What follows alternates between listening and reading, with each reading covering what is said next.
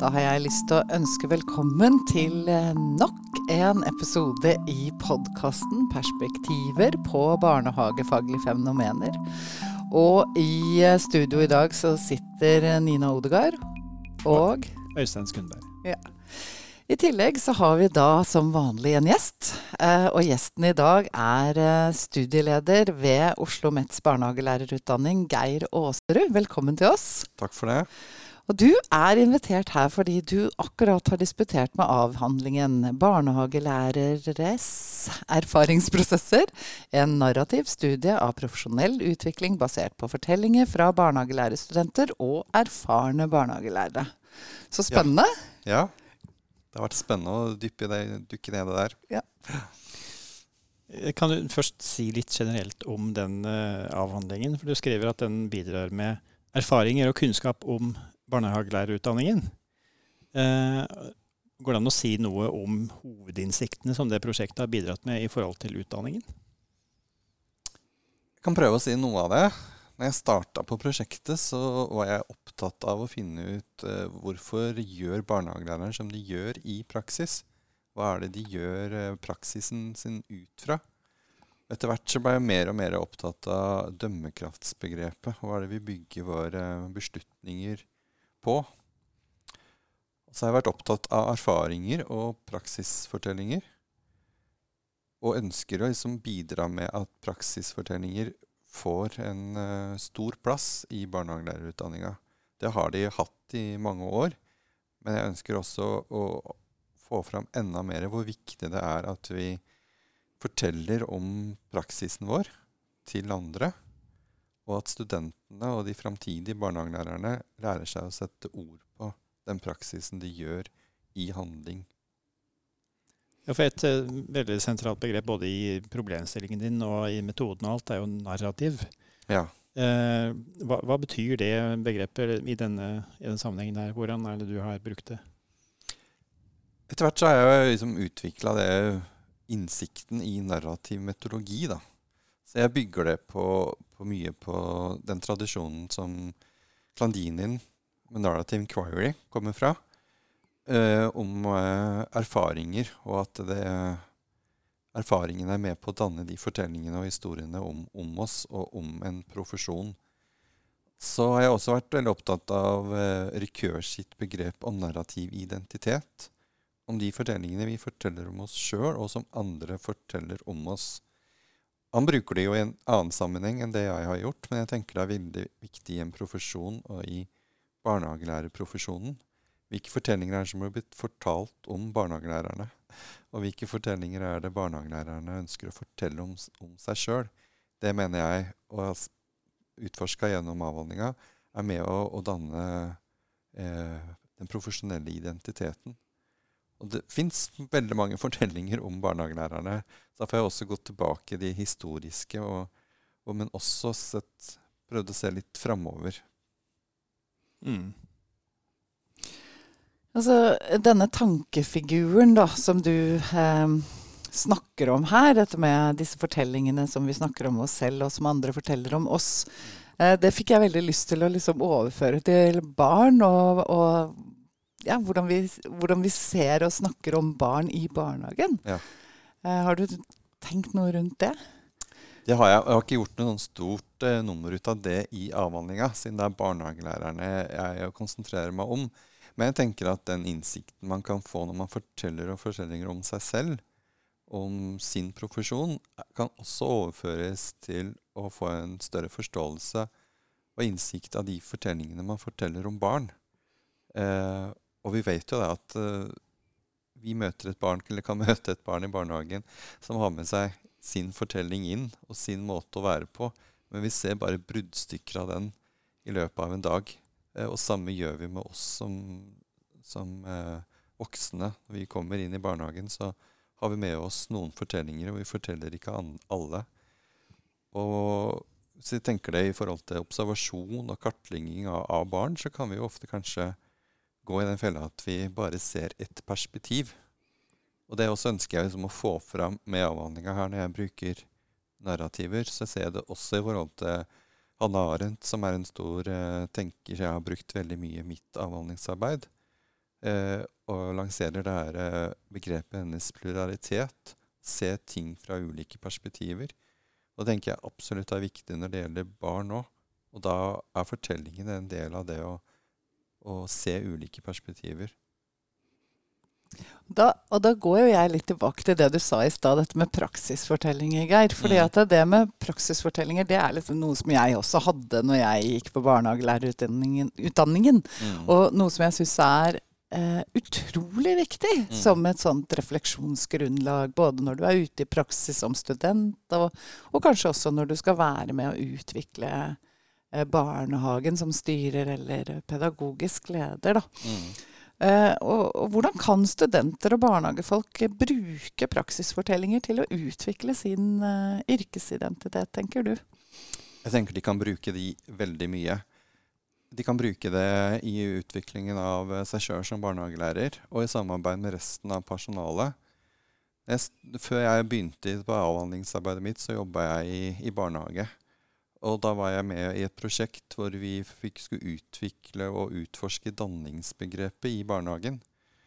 Eh, og da brukte vi praksisfortellinger aktivt.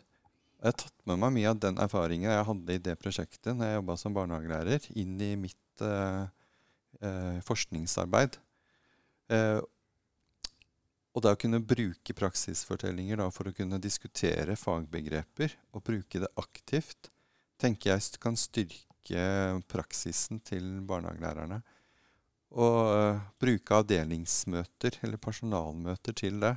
Jeg har sjøl jobba mange år i barnehagen og veit at mye av tiden som går med på møter, er rein sånn eh, praktiske ting om å ordne vakter og ja, hvem skal feie uteplassen og alle de her tingene her. Praktiske gjøremål som også må gjøres i barnehagen. Men jeg vil også prøve å få fram at det er viktig at barnehagelærerne bruker eh, personalmøter og møtetiden også til faglig utvikling. Og da tenker jeg praksisfortellinger er en stor del av det. Jeg kom på fordi vi har mange studenter som er lyttere. Og uh, barnehagelærerstudenter, når de er nye, går i første klasse, så er ikke praksisfortellinger noe de automatisk skjønner hva er. Hvordan skal vi, hvordan skal vi beskrive hva en praksisfortelling kan være? Jeg tenker du først og fremst er å sette ord på handlingene. De handlingene du gjør. Og beskrive gjøren. Det du, du, det du har gjort i praksis. Og så må vi tenke på at en praksisfortelling er bare et perspektiv og en liten bruddstykke av en større fortelling. Og når vi velger å skrive det en praksisfortelling, så får vi jo ikke med oss alt som skjedde før og det som skjedde etter. Og det er én observasjon fra ett et ståsted. Så Det er veldig interessant, eh, tenker jeg, å har utfordra studentene på det når jeg jobba som pedagogikklærer òg. Å prøve å skrive praksisfortellinger fra to ulike ståsted. Og se at vi kan oppdage og observere ulike ting. Hvis jeg ser noe fra mitt ståsted, så vil du se noe helt annet fra et annet ståsted. Og det tenker jeg er viktig at studentene og framtidige barnehagelærere blir eh, trent i det, det blikket der. da. Og klar over at vi må få fram ulike perspektiver. Etikken blir jo også veldig viktig her, tenker jeg. da. Eh, Absolutt. jeg, jeg, jeg, jeg assosierer veldig her nå, da, men um, jeg tenker på dette her med at man veldig ofte kan gå inn i en situasjon utenifra, og så får man lyst til å skrive om den situasjonen, men så er det jo mennesker involvert i den praksisfortellingen. Mm. Hvordan skal vi tenke da? Må man tenke på hvem man deler praksisfortellingen med.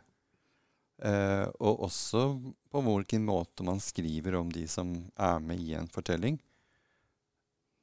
Eh, ja, og hvem er det vi forteller til? Men det, eh, det er jo eh, profesjonell identitet som du har skrevet mye om her. Mm. Eh, og er det sånn da at de praksisfortellingene de blir på en måte informantens eller eh, profesjonsutøverens At man forstår seg selv ut ifra den fortellingen man ikke bare lager selv om hvordan jeg gjør jobben min, men også det man har lært, det man har tatt inn. Du skriver jo litt om historien bak. Jeg tenker det, og det ser jeg mye når jeg har jobba med avhandlingen. Og de eh, deltakerne som har vært med i prosjektet, altså studentene og de barnehagelærerne med lang erfaring. Når jeg har møtt de, og de har sittet og fortalt om sin praksis og sine erfaringer, så kan de oppdage nye måter å forstå seg selv på og sin egen praksis på gjennom fortellingen. Og det er det jeg tenker at det narrative språket er med på å bevisstgjøre oss på våre handlinger og hvem, hvem vi er. da. Er det, er det noe det, du, du, føler har liksom fått en ny blitt til, altså Narrativ metode er kanskje en, noe med en lang tradisjon, men, men har, det i, eh, har, det fått en slags ny sånn faglig eh, legitimitet, det å, å bruke narrative metoder i pedagogikken? Jeg tenker det har det innenfor noen sektorer. Når jeg begynte å jobbe med det sjøl, så var det helt nytt for meg. Men det skal jo sies at når jeg starta mitt doktoratsarbeid, så var jeg også helt ny i de akademiske eh, tradisjonene. Eh, men jeg ser at det er flere og flere som bruker narrative metoder nå. Og innenfor den tradisjonen som jeg er kommet inn i, og de jeg samarbeider med, så ser jeg at det er flere som, som bruker det.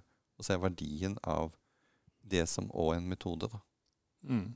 Men jeg kan ikke få fram alt. Hadde jeg brukt eh, en annen metode i mitt avhandlingsarbeid, så hadde jeg sett andre ting enn det jeg klarte å se gjennom narrativ metodologi. Mm. Det tenker jeg er viktig, at vi i barnehagefeltet bruker ulike forskningsmetoder for å kunne se ulike perspektiver og ja, utfordringer, problemstillinger. Du har jo, som eh, Katrine Gjæver, som vi har hatt her tidligere, eh, eh, tenkt videre med den politiske tenkeren og filosofen Hanna Arendt, som du nevnte i stad. Eh, hva tenker du at hennes tanker og begreper har bidratt med i din avhandling, er kanskje det første spørsmålet. Men også, hva kan vi lære av Arendt i, ja. i dag? Ja. I, I, dagens barnehagelærerutdanning og som barnehagelærere? Det er to store spørsmål, da. Jeg vet det. ja. uh, da jeg starta avhandlingsarbeidet mitt, så var jeg fascinert av uh, Hanne Arendt sine tanker om pedagogikk, først og fremst. Hun var jo ikke pedagog selv, men hun har skrevet en del tekster som jeg tenker inneholder mye av de pedagogiske dilemmaene vi står oppi. Og hun sier noe sånt i en artikkel at pedagogen står i denne her utfordrende rollen at de skal utdanne barn til en verden de selv ikke kjenner ennå. Så vi må alltid liksom ha med oss denne dobbeltheten sin rundt. At vi må kjenne til historien og konteksten, men vi må også klare å være åpne for det nye og det usikre. Og det var jeg veldig fascinert over når jeg begynte å, å, å lese om det perspektivet hos Sanne Arendt. Og har lest mer og mer om det. Og hun kaller det her for natalitet. Den nye begynnelsen gir barnet muligheten til å kunne starte noe nytt og noe uforutsett. Og her tenker jeg at det ligger også en link til et veldig kjent begrep som vi bruker i barnehagepedagogikken, medvirkning. Så jeg tenker at hennes eh, begreper om natalitet og pluralitet, som jeg allerede har nevnt, som er veldig kort fortalt å se ting fra ulike perspektiver, kan òg være med å, å uh, utvikle de begrepene vi allerede bruker i barnehagepedagogikken. Jeg tenker at natalitetsbegrepet kan være et fruktbart begrep å se medvirkning og danning sammen med. Så nevner du uh, i avhandlingen din uh, denne metaforen vev ja. uh, fra Arendt. Og, og beskriver barnehagelærerens vev av relasjoner. Mm. Og hvordan kan ditt arbeid bidra til at barnehagelærerstudenten og senere, kanskje som profesjonsutøver, da, kan forstå de sammenhengene de er en del av, og, og utvikle sin barnehagelæreridentitet? Ja. Jeg tenker at barnehagelæreryrket, yrket eller profesjonen, det å være barnehagelærer, da må, står du i så mange ulike ting. Du må kunne tenke på på barna, du skal tenke på foreldresamarbeid, personale, og du står i mange ulike utfordringer. Jeg vil sitere Unni Bleken, som sier det en gang, at eh, barnehagelæreren er en tusenkunstner som må stå i alle disse her ulike dilemmaene hele tida. Men for å kunne gjøre det, så trenger du å bruke dømmekraften din, og du må ha kunnskaper, og du må ha handlekraft, sier også Unni Bleken i et, et intervju. da, da tenker jeg at uh, den vevmetaforen kan være med å danne et bilde for det. Sånn at uh, barnehagelæreren og barnehagelærerstudentene forstår at, at, du er del av noe større. Og at uh, de avgjørelsene og det du tar og det du gjør, får innvirkning på andre igjen. Det kan ba bare, både være i de små hverdagslige hendelsene som du gjør i, i barnehagen, men det kan også være i en større sammenheng. At du ser at det barnet kanskje trenger en noe tilrettelegging, henvisning til PPT eller noe. At du har eh, et større bilde av, eh, av, noe for et barn i en barns utviklingsprosess. Da. Og det du da er med og bidrar til som barnehagelærer, vil kan få konsekvenser for hvordan det barnet vokser fram videre og i skolen. Jeg tenker meg å spørre deg om, om, eh, Det er noe med den metoden du har brukt som, eh, som var veldig interessant. Fordi at du, eh, du, hadde bedt informantene dine om å ta med noen ting. Ja. Eh, og jeg tror du kalte det narrative objekter. Det gjorde jeg. Ja. Eh, var det noen spesielle eh, altså, Eller hva, hva, hva, skulle, hva, tjente det til? Eller hvordan, hva var det de tok med seg? Har du noen eksempler på liksom, hva slags fortellinger som kom ut av det? Når jeg starta prosjektet, så så hadde jeg eh, litt sånn utfordringer for å få eh, deltakerne, eller informantene, da, som jeg kaller det innenfor narrativ meteorologi, eh, til å starte og begynne å fortelle. Det var ikke alle som syntes det var like lett. Og så hadde jeg gjort en sånn øvelse sjøl i den forskningsmiljøet som jeg var i i Bergen, der jeg starta eh, doktorgradsstipendiatet mitt. Og ble inspirert av en metode som Elin Eriksen Ødegaard brukte, som var veilederen min at vi tok med oss noe til en, eh, et seminar en gang og skulle fortelle noe ut fra. Eh, hun har også vært med å utvikle den metoden med, med barnehagelærere og, og, brukt den sjøl. Jeg har liksom blitt inspirert av den og ba de som jeg skulle ha samtale med, da, å ta med seg en ting, en bok og et bilde som betydde noe for dem. Og det var veldig fascinerende å se og høre de fortellingene som kom når de begynte å fortelle om det de hadde med seg. Jeg hadde jo da både erfarne barnehagelærere og også studenter. Og noen av de studentene som jeg starta å intervjue, eller hadde samtale med, de syntes det var veldig skummelt. Eh, noen følte at de var oppe til muntlig, som de sa når de møtte meg. Men når de hadde med seg en ting som betydde noe for dem, så kom de i en helt annen fortellingsmodus og trygghet. Og det var eh, fascinerende å se hva slags fortellinger som kom, og hva de ble oppmerksomme på gjennom fortellingen. Spesielt en hendelse som jeg har brukt en del når jeg har fortalt om avhandlinga mi til andre. Og det er en student som først forteller til meg at hun er veldig opptatt av leken og opptatt av uh, at barn skal få bruke fantasien sin. Og når hun var i praksis, var hun opptatt av det her magiske rommet og, og, leken. Og så har hun med seg en stein som hun uh, forteller om, som hun har syntes har vært viktig. Og når hun sitter med denne steinen i hånda og forteller om, om den til meg, så kommer hun plutselig på at det er jo derfor jeg er så opptatt av leken og det magiske. For den hadde betydd noe for henne når hun var liten, og, og hun tenkte at den steinen var magisk. Det er flere sånne eksempler på det når de sitter og forteller om, om en gjenstand eller en bok eller et bilde, så kom det plutselig på ting de ikke hadde tenkt over før. Så jeg tenker at narrative objekter, som jeg har valgt å, kalle det, kan være med å bidra til å, å komme på ting, eller bli bevisst ting du har gjort, og ting du er opptatt av i profesjons... Øh, ja, det, det, du gjør i praksis.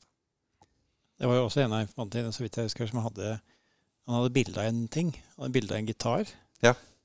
Og, og det, det, det, var liksom historien om at han hadde fått den da han ble 18, og at han ja. hadde brukt den hjemme og brukt den i barnehagen. Så hele hans liksom eh, liv som Eller karriere var liksom eh, forankra i den gitaren. Ja. Og, ja.